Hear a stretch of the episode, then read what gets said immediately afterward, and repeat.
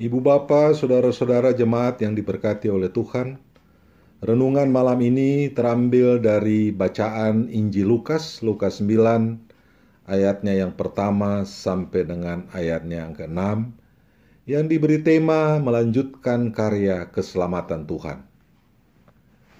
Ibu bapa, saudara kekasih, hari ini kita merayakan Paskah. Merayakan kemenangan Tuhan kita Yesus Kristus yang telah mengalahkan maut. Dia telah bangkit sesuai dengan janjinya kepada kita semua, dan janjinya adalah ya dan amin. Selanjutnya, yang tersisa bagi kita semua adalah sebuah pertanyaan: apakah kita akan larut terus dalam euforia kemenangan itu? Jawabannya tidak, saudaraku. Ada tugas penting bagi kita semua yang Dia amanatkan. Karena ibarat seorang pelari estafet dalam renungan di Sabda Bina Umat, maka tongkat estafet untuk melanjutkan karya keselamatan itu bukan hanya untuk para muridnya saat itu, tetapi ada di tangan ibu bapa, saudara-saudara, dan saya hari ini. Mungkin bukan hanya para murid pada waktu itu, tetapi kita pun hari ini, sebagai penerus tongkat estafet itu, masih terus sering bingung dari mana dan bagaimana kita memulai melanjutkan tugas itu. Ibu bapak, saudara kekasih, Rick Warren dalam bukunya Hidup yang Digerakkan oleh Tujuan mau membantu kita untuk mengawalinya. Mari kita memulai pertanyaan ini. Apakah tujuannya kita dihadirkan di dunia ini? Pencarian tujuan hidup telah membingungkan banyak orang selama ribuan tahun. Kenapa orang-orang bingung. Dan kenapa kita juga hari ini masih sering bingung? Ibu bapak, saudara kekasih, karena mereka dan kita hari ini umumnya masih memulai titik awal pertanyaan itu dengan keliru, yaitu titik awal dari pertanyaan itu dimulai dari diri sendiri. Bukankah kita sering juga memulai dengan bertanya, "Ingin menjadi apa aku kelak?" Anakku kira-kira setelah kuliah sekian tahun mau menjadi apa? Apa impian-impian keluarga kita untuk masa depan? Dan begitu banyak lagi pertanyaan-pertanyaan yang kita awali dari diri kita sendiri. Jemaat Tuhan, tujuan Tuhan Yesus datang ke dunia ini adalah untuk memberitakan kerajaan Allah. Dan tujuan itu jelas. Sehingga ia mengutus kedua belas muridnya untuk memberitakan tentang kerajaan Allah itu. Dan untuk itu, Tuhan Yesus memperlengkapi para murid dengan tenaga dan kuasa. Mereka bisa menggunakan perlengkapan itu untuk mengusir setan dan menyembuhkan banyak sekali penyakit. Tuhan Yesus mengingatkan mereka untuk tidak salah fokus. Apa yang Tuhan berikan kepada mereka, yakni tenaga dan kuasa dari Allah, sudah lebih dari cukup. Mereka diminta agar tidak lagi memusingkan bekal makanan, tidak lagi memusingkan tentang uang, pakaian, atau bahkan respons orang terhadap pemberitaan mereka.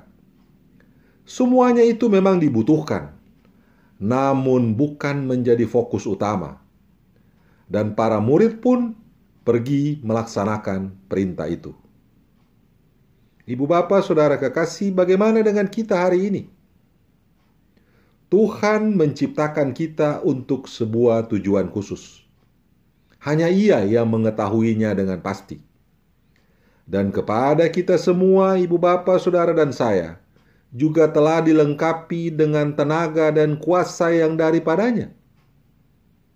Sehingga tugas kita adalah agar peka mendengarkan suaranya. Dengan kepekaan itu, kita bisa mengetahui tujuan hidup kita masing-masing.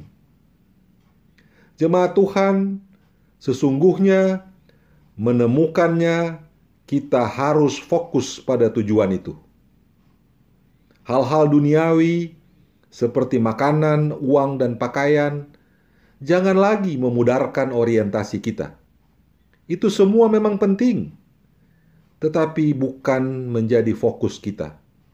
Kita juga harus mewanti-wanti diri kita sendiri agar tidak terlena karena respons baik dari orang-orang. Karena terkadang sanjungan yang diberikan kepada kita bisa mengalihkan orientasi kita. Tetapi mari kita fokus kita fokus dan hanya fokus kepada Injil Kerajaan Allah dan tidak kepada yang lain.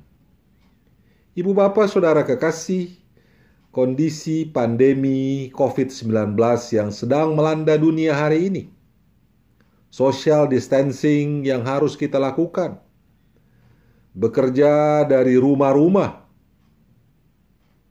dan kalau masih ada pekerjaan yang bisa kita kerjakan, syukurlah. Sekolah dari rumah, syukurilah itu. Ibadah dari rumah, syukurilah itu. Kita masih bisa melangsungkan ibadah dari rumah kita masing-masing. Belum lagi ada berbagai macam kecemasan, ketakutan, dan kekhawatiran. Sehingga kalau ditanya apa yang masih tersisa, ketika tidak ada lagi mimpi-mimpi, tidak ada lagi rencana-rencana. Pandemi COVID-19 ini telah mengistirahatkan kita. Dan yang tersisa hanya tinggal diri kita dan Tuhan kita. Oleh karena itu, saatnya kita memulai bertanya lagi. Apa yang sebenarnya Tuhan kehendaki dari kita semua? Tidak ada yang lain dia hanya menghendaki ibu bapa, saudara, dan saya untuk menjadi pelaku dari firman-Nya. Bagaimana caranya? Dengan jalan melanjutkan karya keselamatannya di dunia ini.